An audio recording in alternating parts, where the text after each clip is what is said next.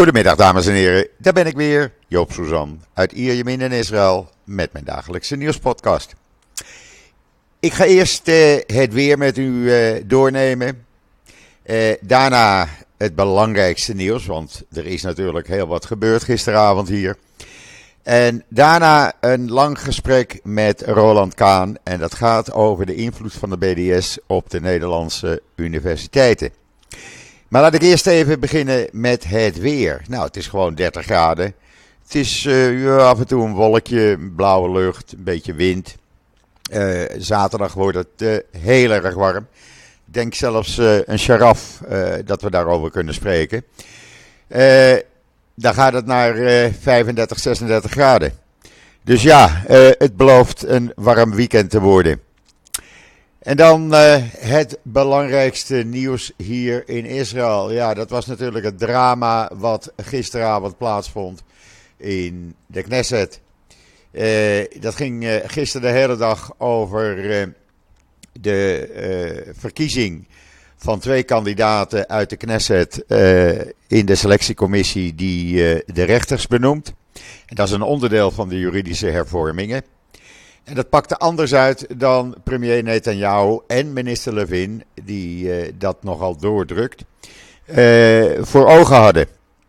Uh, de telling van de stemmen werd drie keer overgedaan, want ja, de Likud-partij en Benkwier en Smotrich, ze geloofden het gewoon niet. Uiteindelijk bleek dat het, de kandidaat van de oppositie 58 stemmen had en uh, eh, 56 tegen. En de Likud-kandidaat, uh, mevrouw uh, Gottlieb, die weigerde te doen wat Netanyahu wilde en haar kandidatuur in te trekken, die werd gesteund door slechts 15 parlementsleden en kreeg 59 tegen. betekent dat uh, Karin Elharar van de oppositie dus in die selectiecommissie is uh, gekozen. En er uh, in de komende maand nieuwe verkiezingen moeten zijn voor een kandidaat van de coalitie. het betekent ook dat minstens vier Likud-leden, of laten we zeggen leden van de coalitiepartijen, voor het oppositielid hebben gestemd. En uh, ja, dat ligt uh, bij Benkwier en Smotrich helemaal niet uh, goed. Benkwier wilde dat de juridische hervormingen, dat daar meteen over gestemd zou worden in de tweede en derde stemming, zodat dat aangenomen wordt. nou, dat wil Netanyahu weer niet. Het is ook een nederlaag aan de ene kant voor Netanyahu. Aan de andere kant is het ook een overwinning, maar het verzwakt wel zijn positie binnen de coalitie. Want het blijkt dat uh, met name Likud-leden dus niet doen wat hij wil. En dat is nog nooit voorgekomen. Uh, wie dat zijn, ja, dat zegt uh, het verhaal niet. Maar ik heb een vermoeden, alhoewel, laten we eerst maar kijken of het naar buiten komt. Maar er zijn, er zijn een aantal leden, waaronder Juri Edelstein, David Bitan, die zich uh, de afgelopen dagen al hadden uitgesproken tegen de coalitiekandidaat en voor de oppositiekandidaat. Betekent ook dat het plan van meneer Levin uh, ja, niet gaat zoals hij wil. Hij wil het doordrukken zoals hij wil. Netanyahu wil het eigenlijk helemaal niet meer, die juridische hervormingen in de huidige vorm doorzetten. Eh, want ja, hij begrijpt ook wel dat dat uh, op deze manier niet kan. Nou heeft Netanyahu nog twee uh, opties open. Hij kan dus binnen 30 dagen nog een stemming houden om de tweede vertegenwoordiger voor de commissie te kiezen. Dat moet dan een lid van de coalitie zijn. Of hij kan gewoon zeggen: jongens, ik stop ermee. we gaan helemaal geen verkiezingen meer doen dan wordt die commissie niet gevormd.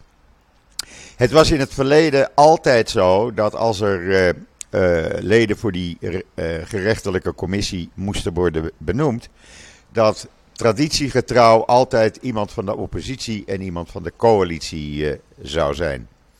En zo gebeurde dat altijd. Dat is dus nu niet gebeurd. En ja, Levin, die wilde, minister van Justitie, die wilde dus helemaal geen uh, oppositiekandidaat in die commissie hebben. Die wilde alleen maar coalitiekandidaten in die commissie hebben, zodat de coalitie altijd een meerderheid heeft. Uh, en daar gaan juist die demonstraties over. Want het betekent dat die benoemingscommissie voor rechters, voor het Hoge Rechtshof met name, ja, kan doen, of altijd zou doen, wat de regering wil. En dat is niet zoals een democratie werkt. Uh, het andere probleem wat Netanyahu nu heeft, is dat de druk van zijn extreemrechtse partners groter zal worden. En de spanningen ook binnen de coalitie en zijn eigen Likud-partij uh, die verdeeld is over deze hele kwestie, uh, alleen maar zal vergroten.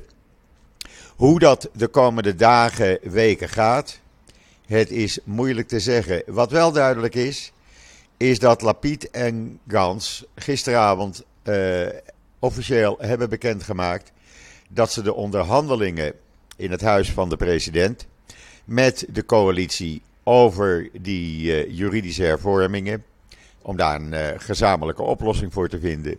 Voorlopig bevriezen, voorlopig stopzetten, dus geen onderhandelingen meer doen. Betekent ook een nederlaag voor de president. Uh, maar misschien komt het wel helemaal zoals Netanyahu eigenlijk stilletjes hoopt. Helemaal geen juridische hervormingen in de huidige vorm. Uh, en de zaak gewoon op de plank laten. Dat betekent weer dat meneer Levine misschien zijn dreigement gaat uh, waarmaken. En zegt van jongens, ik stap uit de regering. Betekent ook, uh, Smotrich en Ben-Gvir, die, uh, ja, die voelen hier helemaal niks voor. En die willen de juridische hervormingen ook doorzetten. Dus wat die gaan doen, ja, niemand die het weet. Het zal, ja, zoals we hier zeggen, never a dull moment. Het zal de komende uh, dagen, weken duidelijk worden. Maar het betekent wel dat uh, ja, de, de, demonstraties die zullen in ieder geval vergroot worden. Ik verwacht dat er komende zaterdag veel meer mensen zullen gaan demonstreren. Nu iedereen heeft gezien wat een puinhoop het is. Want het is gewoon een grote puinhoop. We gaan het zien. Never a dull moment, zeg ik altijd. En dan, uh, ja, uh, het andere belangrijke nieuws eigenlijk was dat de Israëlische defensie-export in uh, de afgelopen drie jaar tijd met 50% is toegenomen. hoe komt dat? Nou, er is voor 12,5 miljard dollar geëxporteerd. Dat heeft mede te maken met de oorlog tussen Oekraïne en Rusland. Uh, er is veel meer vraag naar Israëlische wapens. Uh, men weet dat die goed zijn. En uh, ja, dan gaat de export omhoog. En dat betekent dat er meer geproduceerd wordt. En dat er meer verkocht wordt. en als je nou kijkt naar de landen, bijvoorbeeld de landen waarmee de Abraham-akkoorden zijn gesloten. dus de eh, Verenigde Arabische Emiraten, Bahrein. Die hebben voor 3 miljard dollar aan Israëlische wapens gekocht. Dat is behoorlijk veel. Uh, wat wordt er dan uh, veel verkocht? Nou, de dronesystemen, raketten en luchtverdedigingssystemen, radar, wapenstations en draagraketten, uh, voertuigen, communicatiesystemen, etc. Uh, de landen waar het meeste naartoe ging, 30% ging naar Azië en uh, de landen in de Stille Oceaan. 29% van de wapenexport ging naar Europa. Amerika nam er 11% af. De Abraham-akkoordlanden 24%. Afrika 3% en Latijns-Amerika ook 3%. dat is behoorlijk wat. En dat is een goede zet voor de economie, zullen we maar zeggen. En dan ga ik nu kijken of ik contact uh, kan krijgen met Roland Kaan. En dan kom ik uh, met een paar secondjes bij jullie terug. Nou, het is weer gelukt, dames en heren. Ik heb uh, Roland Kaan aan de andere kant van de lijn. Goedemiddag, Roland. Goedemiddag, Joop. Hoe is het in Israël? Ik nou, wat onrust. we hebben heel wat sensatie en vuurwerk gehad gisteravond natuurlijk met die uh, met dat drama in de Knesset, waarbij het plan van meneer Levin en de rechtse partijen niet doorging. En het plan van Netanyahu mislukte. En er dus een oppositielid benoemd is in de commissie die de rechters gaat benoemen. Kijk eens aan. Ja. dus. Vind je dat goed of slecht nieuws? Nou, ja, uh, aan de ene kant is het uh, een verzwakking van de positie van Netanyahu. Aan de andere kant maakt het ook duidelijk dat er vier Likud-leden zijn die voor de oppositiekandidaat hebben gestemd. Uh, de rechtse partijen, de extreemrechtse partijen, Smotrich en Benkwier, zijn hier helemaal niet blij mee. Die willen niks liever dan die juridische hervormingen vandaag door, doorvoeren. Ja, het, het vergroot de chaos alleen maar. Het vergrote chaos. Misschien, misschien is dat dan eindelijk een moment dat de drie grote leiders van Israël, Lapid, uh, Gans en Netanyahu, begrijpen dat als de kiezers hun het mandaat geven en niet die twee extreme partijen, dat ze misschien eens uh, eigen voor geld moeten kiezen en gaan samenwerken. Ja, de enige oplossing is dat de twee extreemrechtse partijen uit de regering stappen en Lapid en Gans erin komen. Dan, ja, en daar is natuurlijk zoveel wantrouwen geweest, want ja. Netanyahu is natuurlijk een veel gehaaidere politicus en heeft zal natuurlijk wel eens een keertje in de maning genomen. Maar ik, ik vrees dat als dit de keuze is van het Israëlische volk, en, en het, het blijft me verbazen dat... Uh, niet één van de twee kanten nou eens echt serieus uh, de meerderheid krijgt. Maar oké, okay, dat is nou helemaal zo. Dan hebben uh, ze niets anders dan de, de wil van het volk te volgen en ja. met elkaar te gaan samenwerken. Absoluut. Dat is iets heel raars. Nee, helemaal niet. Kijk, het probleem is dat Netanyahu dat niet wilde. En Lapid en Gans dat in eerste instantie ook niet wilden. Direct na de verkiezingen. Waardoor Netanyahu, die heeft natuurlijk dat rechtse blok uh, gevormd. Waarbij hij die twee extreemrechtse partijen erbij heeft gehaald om als rechtsblok een meerderheid te krijgen. Ja, en dat pakt natuurlijk nu anders uit, want die twee rechts, extreemrechtse partijen die willen een soort machtsgreep uh, gaan doen. En daar zijn ze eigenlijk ja, allemaal ja, mee bezig. Maar ja, dat is ook weer in het persoonlijke belang van Netanyahu. Want Netanyahu kan op die manier natuurlijk zijn rechtsvervolging af, af ja, zolang, zolang, hij, uh, zolang hij premier blijft, uh, verdwijnt hij niet in de gevangenis, laat ik het zo maar zeggen. Ja, nou. Dan zie je dus dat aan de ene kant de kracht van het uh, juridische systeem in Israël, dat is heel fijn. Aan de andere kant, um, op dit moment, en ik weet niet of de luisteraars dat weten, op dit moment um, wordt het, het Hoge Rechtshof dus ook ondemocratisch gekozen. Het is dus niet zo dat dat nu een democratisch proces is. Nou ja, kijk, die, en, ehm, en, die, die, die gerechtelijke benoemingscommissie, want daar draait het om, hè, die benoemt de rechters van het Hoge Rechtshof. Die traditiegetrouw was dat altijd, zat daar eh, één vertegenwoordiger van de oppositie en één vertegenwoordiger van de coalitie in. Voor de rest zaten daar vertegenwoordigers van de uh, uh, advocatenbar in. Uh, en uh, een aantal rechters. Nou, dat wil men nu veranderen.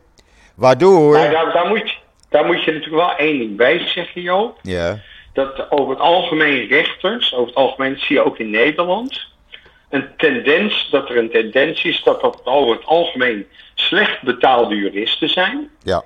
Die over het algemeen linkse sympathieën hebben. Dus de benoemingscommissie wordt door heel veel Israëliërs ervaren als een linksclubje. Ja, maar het is de enige controlerende factor die we hebben, het Hoge Rechtshof. En als die, nee, uh, die invloed wegvalt doordat de uh, benoemingscommissie bestaat uit leden van de coalitie en niet de oppositie, dan betekent het dat de rechters ja, eigenlijk politiek gekozen worden. En dus altijd zullen doen wat de coalitie wil. En dat tast de democratie aan. Want dan kan je dus, eh, dan kan de Knesset gewoon zeggen met een meerderheid van 61 stemmen. Eh, en dat is dan altijd de regering. Eh, ook al wil het Hoge Rechtshof een bepaalde wet niet goedkeuren, dan jassen we hem toch door. Want het Hoge Rechtshof moet maar doen wat wij willen. Nou, dat kan natuurlijk niet. Aan de andere kant kan het natuurlijk ook niet zo zijn dat een linkse commissie die rechters benoemt, zodat precies het tegenovergestelde gebeurt. Want dat, dat is nu vaak het geval. Ja. En dat houdt, dus, dat houdt dus in dat ja, Israël eigenlijk voor de enorme grote vraag staat: moet er een grondwet komen die er nu niet is? Moet er een controlerend orgaan komen zoals de Eerste Kamer dat er nu niet is? Of moet je uh, uh, de juridische hervormingen met twee derde van de stemmen in de Knesset.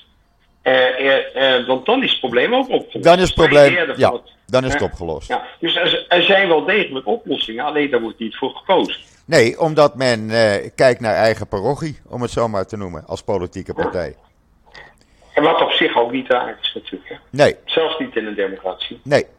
nee. Dus, dus, dus het, het gezonde verstand moet hier overwinnen. Ja, het betekent wel dat we de komende weken nog heel wat uh, vuurwerk te verwachten uh, hebben. En de demonstraties zullen uh, groter worden. Dat zit er wel aan te komen. Ja. Maar ja, het, misschien is het dan, hoe vervelend dan ook, toch weer tijd voor nieuwe verkiezingen. En een aanzet van of een grondwet. Of uh, ja, dat, dat de grote partijen hun verantwoordelijkheid nemen en met ja. elkaar gaan samenwerken. Ja, want op dit moment wordt er helemaal niet geregeerd. Er wordt alleen maar gesproken over die juridische hervormingen. Er komen geen nieuwe wetten. Uh, er worden allerlei commissies benoemd. Uh, commissie die kijkt naar de kosten van levensonderhoud. Maar er wordt verder niks gedaan. Er gebeurt ja. niks. Maar Joop, als ik, als ik kijk naar de afgelopen 12 jaar, 13 jaar, dat in Nederland de liberalen aan de macht waren oh, meestal met over links, ja. Ja, dan is het land er de afgelopen 13 jaar niet op vooruit gegaan. In België was de bestlopende periode het feit dat er even drie jaar niet geregeerd werd. Dus de vraag is, hoe blij moeten we zijn met een regering die weer allerlei nieuwe ideetjes heeft. Ja. En allerlei, en want die, die meeste ideetjes gaan over nog meer controle op het volk. Ja, precies. En er is, er is een soort bureaucratie aan de hand in, in de hele wereld in het politieke systeem die, die alsmaar meer die burger uh, uh, wil beknotten en alsmaar meer macht naar de overheid wil trekken. Ja. En, dat lijkt, en, dat, ook dat, en dat is een hele slechte ontwikkeling voor het hele democratische principe. Absoluut. En, en dat, zie je, dat zie je in Nederland massaal gebeuren. Ja. En, uh, en, en, en dat is, daarom zie je hier ook zo'n enorme sterke anti-beweging. Ik noem de BBB maar even een anti-beweging. Ja. Ja, het, het, het, volk is de liegende en bedriegende politici zat. Nou, dat, dat hebben we hier dus ook.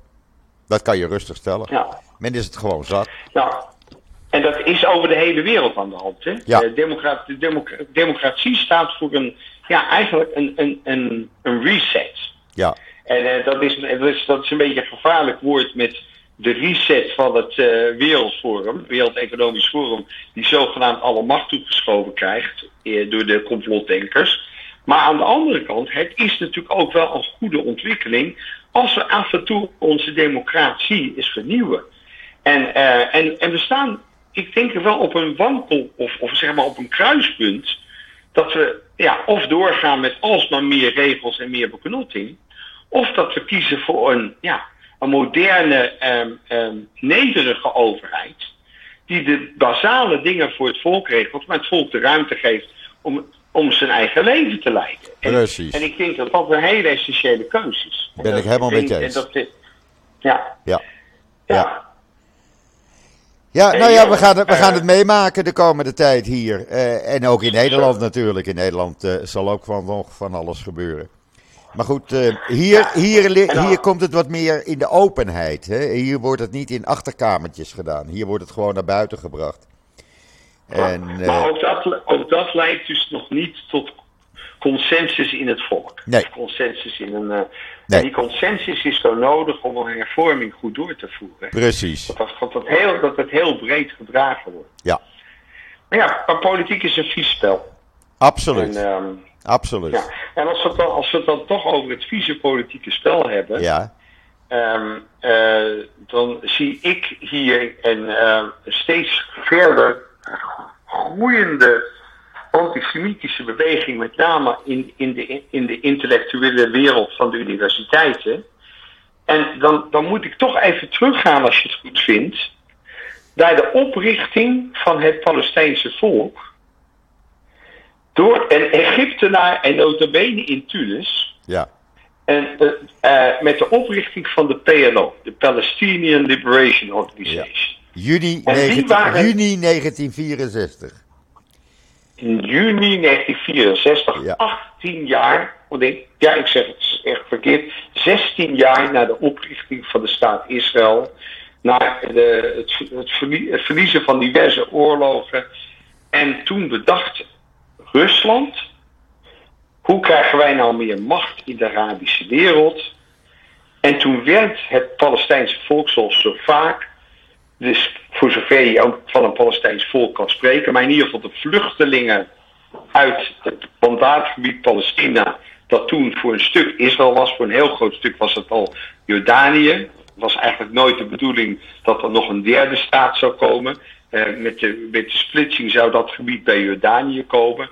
Dus er was nooit sprake van een Palestijns volk of een Palestijns land. Maar dat werd dus in 1964 met hulp van de, van de Russische KGB werd dat opgezet. Ja, als een politiek drukmiddel. En het rare is dat die arme Arabieren, want het zijn geen Palestijnen, het zijn Arabieren, dat die nog steeds, ja, we praten inmiddels dus over, uh, wat is het, uh, vijf, ha, 60 jaar verder, dat die mensen nog steeds vluchtelingen zijn. Dat is toch een, een, een, een, een, een menselijke drama en een menselijke ramp. Ja. Nou worden ze ook een beetje als vluchteling in stand gehouden natuurlijk, want we zijn inmiddels bij de zes, nee, maar dat bedoel ik. vijfde, zesde generatie. Ja, ja. Jordanië wil ze niet. Nee. Jordanië wil ze niet. Libanon wil ze niet. Egypte wil ze niet. Nee. Israël wil ze niet. Niemand wil ze. Nee. En, en, en uh, dan even een, een andere stap. Uh, Begin ging praten met, uh, met Arafat. Nee, niet met Arafat, met, uh, hoe heet die Egyptische president nou die laatst vermoord is? Assad. Ja, die ging praten met Assad. En, uh, Sadat, Sadat, sorry, Sadat. Sadat, so, ja. ja, gelijk, Sadat, president Sadat. En dat was, die ging praten en, en daar uit ontstonden de Oslo-akkoorden. Ja. Waarbij Israël bereid was om ik moet op een procentje ernaast zitten, 6, 7, 90 procent van al het bezette gebied terug te geven aan de Palestijnen, eigen regering. En toen heeft Yasser Arafat gezegd, ze zouden me vermoorden en ze, ze is dan de KGB. En ze zijn de Palestijnse leiders, want er waren, of niet de Palestijnse, de Arabische leiders. Want er, was, er is natuurlijk geen één democratie in geen één Arabisch land. Nee. laten, we ons dat, laten we ons dat wel realiseren. Er bestaat niet zoiets als mensenrechten en democratie in de Arabische wereld. Bestaat niet. Nee. daar wordt, daar wordt de, de vijand gewoon vermoord. nu maken in Israël maken ze ruzie met elkaar. Maar in, in de Arabische landen wordt de vijand gewoon, de vijand gewoon vermoord. Punt.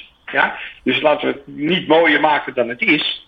Alleen het rare is ja, dat ondanks dat Israël er alles aan heeft gedaan om vrede te sluiten en alles aan heeft gedaan om vaak compleet onredelijke eisen eh, in te willigen, dat er nu weer een enorme opkomst is van antisemitisme via die, die opvolging van PLO zou je eigenlijk kunnen noemen, of de versterking daarvan, de BDS.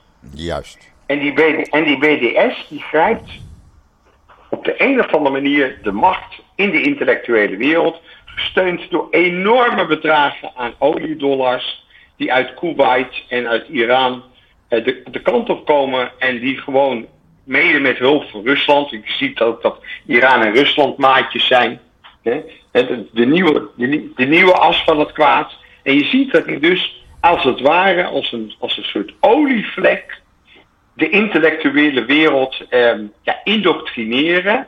En dan zie je uh, al die ja, haast debiele intellectuelen in Nederland, die docenten gewoon meelopen aan het handje van een georganiseerd nieuw antisemitisme. Uh, om maar uh, Israël eronder te krijgen als dat niet lukt met wapens, dan maar met een boycott. Ja. En ik, mijn, broekzak, mijn broekzak er vanaf, joh. Nou, ik ben het helemaal met je eens. Ik kan daar niks tegen inbrengen, want dat is de situatie. Men loopt aan het handje van de BDS. En dat zie je op alle universiteiten in Nederland op het ogenblik.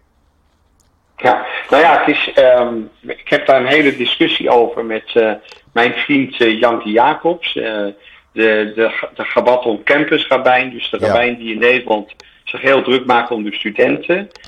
En die zegt, ja, wij moeten um, goed samenwerken met die krachten bij de universiteiten die, um, en die ons wel begrijpen, en dat ben ik met hem eens. Maar tegelijkertijd vind ik ook dat we een heel stevig tegengeluid moeten laten horen. Uh, tegen deze ja, vervaarlijke antisemitische ontwikkeling. En ik, ik, ik hoe heet die prachtige opperrabijn die ze in Engeland hadden? die helaas is overleden. Ik ben heel slecht ja, met namen dan ik ook. Ik, ik, weet, ik, ja. ik, zie zijn gezicht voor me. Ik weet wie je bedoelt. Ja, ja. een paar jaar geleden die hield, overleden. Die hield, die hield, een paar jaar geleden een prachtige toespraak. Sax was dat, geloof ik. Was het niet Sax? Sax, ja, ja, ja, ja. Joop, dankjewel. Oh, ja, ja. Sax, Sax, ja. Sax hield een toespraak en die zei... Met het, met het vermoorden van 6 miljoen Joden... Door de nazi's werden niet alleen 6 miljoen Joden vermoord. Maar tientallen miljoenen andere mensen waren het slachtoffer. Het begint met de jodenvervolging. Maar het eindigt met chaos. Het eindigt met heel, heel veel ander leed. Ja. En, en, en, eh, en ook nu zie je dat weer. Ook nu zie je dat uh, ja, dictatoriale regimes, of dat nou religieuze regimes zijn, zoals in Iran, of het zijn, um, of in, in Saudi-Arabië, want het maakt het daar ook niet mooi, of in, of in Qatar. Het zijn natuurlijk allemaal afschuwelijke regimes. Die niets hebben met mensenrechten, niets hebben met vrouwenrechten, niets hebben met, uh, met homorechten. Ja? En dan zie je een homobeweging, homo's voor Free Palestina. Maar ze moeten dus, bij, ze moeten dus in de Gaza op bezoek gaan. Ja. En, uh, en hand in hand lopen met een andere man of hem een kus geven. Nou, ze worden gelijk, ze worden, ze worden gelijk vermoord. Ze worden, ze worden zo van een flatgebouw gegooid. Ja, absoluut. Dus de, de, de, de, naïviteit van de westerling. Ja, en, en wat we dan ook zo verbaasd, Joop, is dat blijkbaar een Joods leven niet geldt. Ja. Een of ander verstoorde Egyptische soldaat, ja, een psychopaat, vermoord drie jonge Israëlische soldaten. Ja, compleet bij verrassing, want Egypte en Israël hebben vrede en werken samen. En Egypte is daar ook heel erg door. Uh, embarrassed, om het dan zo te zeggen. Die zitten daar heel erg mee in de maag. Ja. En maar kijk, gekken zijn er over de hele wereld. En wat roepen de Palestijnen? Wat roept de BDS? Goed gedaan, jochie. Ja, Goed gedaan. die gooide een tweet op, zo, op social media gisteren. Goed gedaan. Ja, nou, het, ja en, en, en dan verbaast me het. Het verbaast me dat niemand iets zegt. Nee. En aan de andere kant, aan de andere kant verbaast het me niet. Want de opa's van deze generatie verraden Joden voor 12 gulden. Ja, absoluut. Dus, het, dus antisemitisme zit niet in, alleen in de Arabische hoek. Je ziet, en het, uh, ook de, de protestantse organisatie uh, heeft zich weer zijn lelijke kant laten zien. Ja. Ook daar komen de antisemieten weer uit hun holen. Hè? Ja. Want het is, het is weer salonverig om anti, antisemitisch te zijn. En ook daar zie je dat iedere keer als de wereld een probleem heeft, hè, met de pest tegen de Joden de schuld in plaats van de ratten. En nu met, uh, met de, de, de, de, COVID krijgen de Joden weer de schuld. En het, het, moet, het moet wel een keertje klaar zijn. Vind je niet? Ja. Ik, ben er, ik, ben helemaal, ik ben er helemaal klaar mee met al die, met al die hypocriete antisemieten. Nou ja, je ziet ook bijvoorbeeld de Nederlandse politicus. Uh, politici, ze doen er niks tegen. Ze zeggen niets tegen, tegen wat er gebeurt op de universiteiten. Je hoort ze er niet over. Men, men, men stopt dat ver weg, uh, dan bestaat het probleem niet. Maar ondertussen wordt het probleem alleen maar groter op die universiteiten. En voelen Joodse studenten zich steeds onveiliger. Um, ik, ik heb voorbeelden van jonge Joodse mensen die zeggen: Ik draag maar geen Meged David meer. Ja. Ik want ik, dat wordt gezien als provocatie. Ja. Met andere woorden, het, het vrijelijk uiten van je religieuze keuze wordt gezien op universiteiten als provocatie. Want wij zijn niet langer Joden, Joop. Wij zijn vuile Zionisten. Wij zijn kindermoordenaars. Ja. Nou ja, ik, ik, volgens, volgens mij was die Egyptenaar een kindermoordenaar. Hè? Want jonge, jonge mensen van 20 jaar zou je toch nog wel kinderen mogen noemen. Of, en, en nog, en nog, want ze recruteren nog kindsoldaten. Het is te gek voor woorden. Het is echt te gek voor woorden. en niemand zegt er wat over. Niemand. Nou, dat is niet waar. Er zijn wel mensen die er wat over zeggen. Maar de grote massa zwijgt. En, dat, dat, dat, en daarom eh, denk ik dat wij nog sterker ons geluid moeten laten horen. Of dat nu via Stand With Us is. Of dat nu via CD is. Of dat nou via welke organisatie dan ook is. Wij moeten met elkaar de handen ineen slaan. Ja. En het spook van het antisemitisme veel harder en veel agressiever bestrijden. Wij moeten veel agressiever. Want antisemitisme, uh, ja. want antisemitisme en, anti, en antisionisme is één en hetzelfde. Absoluut. Daar zit geen verschil in.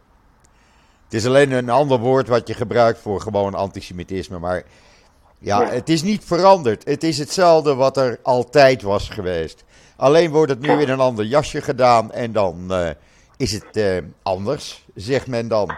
Dan gaat het over ja, Zionisten. Maar ja, sorry. Ja, heb, ik, heb ik met jou ooit mijn definitie van antisemitisme gedeeld? Nee. Voor mij is een antisemiet iemand die meer dan een gewone hekel heeft aan Joden. Dat vind ik een hele goeie. Dat vind ik een hele goeie. een doordenken. Want mensen, want mensen worden met hekel aan Joden opgevoed. Ja. Jullie zeuren altijd zo. Jullie trekken het leed altijd zo. Jullie, hè, wij hebben ook geleden. Hè? Mijn opa kwam terug en zijn piano en alles was gestolen door die Nederlanders. Je moet niet zo zeiken. Jood, je leeft toch nog? Nou, ik herinner mij, altijd, ik herinner mij altijd wat mijn vader zei. Eh, toen ze uit de onderduik terugkwamen in 1945, uit Zevenum, Horst Zevenum. Toen kregen ze 10 gulden in hun handen gedrukt. En daarbij werd gezegd, en voor de rest niet zeiken, je mond houden. Dat zit. Ja. Zo ja, ging dat. Maar dat was dus. Maar, maar het, ne het, Nederlandse volk kan zich niet op de borst slaan dat ze zo goed waren voor de Joden. Nee. Ja, de, de, vorige ambassadeur van Israël in Nederland, die is inmiddels, doet heel goed werk in India inmiddels. Absoluut. Echt een knappe, knappe diplomaat. Ja, ik heb, nog, steeds, hij, ik heb uh, nog steeds regelmatig contact met hem. Dat is heel leuk. Oké, okay, nou, ja. doe hem dan heel erg de groeten van mij. Ja. Uh, want hij was bij me thuis. En, en die was, voordat hij ambassadeur in Nederland was, was hij ambassadeur in Italië. Ja. En uh, een echte carrière-diplomaat. En die hebben we ook nodig. En ik, ben, ik, ben, ik vond het een hele sterke persoonlijkheid. En India is voor Israël erg belangrijk. Heel belangrijk. Wel, wel weet, ja. Um, hij zei tegen me, Roland, in Italië zeiden ze, um, ja, wij worden antisemitisch opgevoed. Want het eerste wat we leren door de katholieke kerk is de Joden hebben Jezus vermoord. Ja. Dus wij hebben hun, wij hebben hun God vermoord. Nou ja, hoe, hoe, je een God kan vermoorden blijft voor mij altijd een, een, een beetje een moeilijke. Maar wat ze het eigenlijk, wat het eigenlijk, ik zou eigenlijk zeggen, we hebben jullie Jezus geleverd. Wees ons eeuwig dankbaar. Ja, want uiteindelijk was hij Jood. En, en de, ja, ja, ja. Maar jullie mogen met z'n allen. Maar misschien is dat het. Het is natuurlijk, het is natuurlijk de profetie van dat wij het licht zijn voor de andere volken op aarde. Ja. En daar mogen we trots op zijn, Joop. Wij ja. zijn het licht voor andere volken op aarde. Als ik zie hoeveel licht Israël geeft, en dat er wel altijd donkere geesten zijn die dat licht willen doven, daar moeten we mee leren leven. En daar zullen we mee leren leven. Maar dat we dat licht nog harder moeten laten schijnen, om desnoods onze vijanden blind te maken, dat is misschien wel een goede. Absoluut. Absoluut. Kijk, met alles wat er hier gebeurt, ja, het is, ik zeg altijd, Israël is niet een normaal land. Israël is een bijzonder land. Ja, wat hier gebeurt, gebeurt in geen enkel ander land. Uh, uh, je leeft als één grote gemeenschap. Alhoewel daar op dit moment wat scheuren in komen door de politiek. Maar als je ziet wat er hier vandaan komt aan uitvindingen, aan wetenschap, aan nieuwe behandelmethodes voor de meest ernstige ziektes. Eh, ja, dan blijft het een bijzonder land. Het blijft een bijzonder land wat de wereld nodig heeft. Een vriend van mij uh, uit Israël werkt voor het Weizmann Instituut. Ja. En het Weizmann Instituut is wereldberoemd en is echt een van de meest hoogstaande, vooraanstaande organisaties op wetenschappelijk onderzoek. Werken bijvoorbeeld nauw samen met het AVL, Antonie van Leeuwen, het Nederlands Kankerinstituut, ter bestrijding van kanker. Ja. Uh, hebben heel veel projecten samen, maar werken over de hele wereld samen. Met Amerikanen, met Duitsers, met Nederlanders, met, met van alles en nog wat. Ja, dan denk ik, als het toch ook maar weer een Joodse organisatie. Ja? En als we het nou hebben over inclusiviteit, Joop. Welk land heeft in zijn godsdienstige hoofdstad Jeruzalem een gate rate? Welk land? Ja. Alleen Israël. Alleen Israël. Ja. Ja, welk land? Welk land heeft Arabieren? Je, die mensen uit Jemen, mensen uit Afrika, mensen uit China. We hebben Chinese Joden, we hebben zwarte Joden, Ja, we hebben Arabische Joden, we hebben eh, blonde Joden. We hebben, we hebben, wij zijn het enige inclusieve volk ter wereld. En laten we daar heel trots op zijn. absoluut. Kijk, je kan het nog, nog anders zeggen. Welk land heeft 25 uur geen openbaar vervoer? Omdat men de rustdag in ere houdt. Geen treinen, Ja. geen bussen, winkels gesloten. 25 uur elke week op Shabbat. Er is geen ander land waar dit gebeurt. Ja, daar ben ik gemengd over, Joop. Ik weet niet of dat nou... Nou ja, het is een traditie. Ik vind het wel fijn. Nee, kijk, ik vind die traditie op Yom Kippur vind ik prachtig. Ja, Ik had het genoeg in het jaar voor ehm, de COVID. Eh, in, ehm, eh, ik, ik studeer Kabbalah. ja. Om in het Kabbalah Center van Tel Aviv Yom Kippur te vieren. Oh, dat is bijzonder. En dat, eh, dat was echt heel bijzonder. En dan kom je, loop je gewoon op de belangrijkste winkelstraten. Ja, Waar normaal massaal auto's doorheen karren. En dan loop je gewoon op straat en er rijdt helemaal niets. Heel Ja, bijzonder. Zelfs, geen, zelfs, zelfs, zelfs geen fiets rijdt. Nou, ik moet zeggen, ik vond dat wel heel bijzonder. Maar of ik het nou oké vind dat eh, de Joodse religie zoveel macht in Israël heeft, dat je geen openbaar vervoer hebt. Eh, dat is natuurlijk voor mensen die het openbaar vervoer heel hard nodig hebben en die niet die religieuze overtuiging hebben, wat minder mooi. Maar oké, dat is een persoonlijke keuze. Ja. En als de meerderheid van het Israëlische volk daarvoor kiest, dan is het alleen maar te respecteren. ja, precies. Het blijft, het blijft bijzonder. Ik vind Shabbat, eh, waarop bijna alles dicht is. Kijk, Tel Aviv moet je niet meerekenen. Dat is eh, ja, anders dan de rest van Israël. In Tel Aviv rijden particuliere bussen. Dat laat de gemeente heeft dat georganiseerd. Er zijn winkels open. Maar eh, eh, gewoon het feit dat als. Ik ben afgelopen zaterdag naar een van mijn broers gereden in de kibbutz in het hoge noorden. Dan rij je door, door Israël, dan rij je door de Galil. Dan is alles dicht. En dan kom je op een gegeven ogenblik in die Arabische steden en dorpen. Waar het bruist van energie, waar duizenden Israëli's hun inkopen doen. Ja, eh, eh, eh, dat blijft bijzonder. Elke keer weer als ik daar doorheen rijd. Echt waar. Ik vind dat eh, heel apart. Ik vind dat heel apart.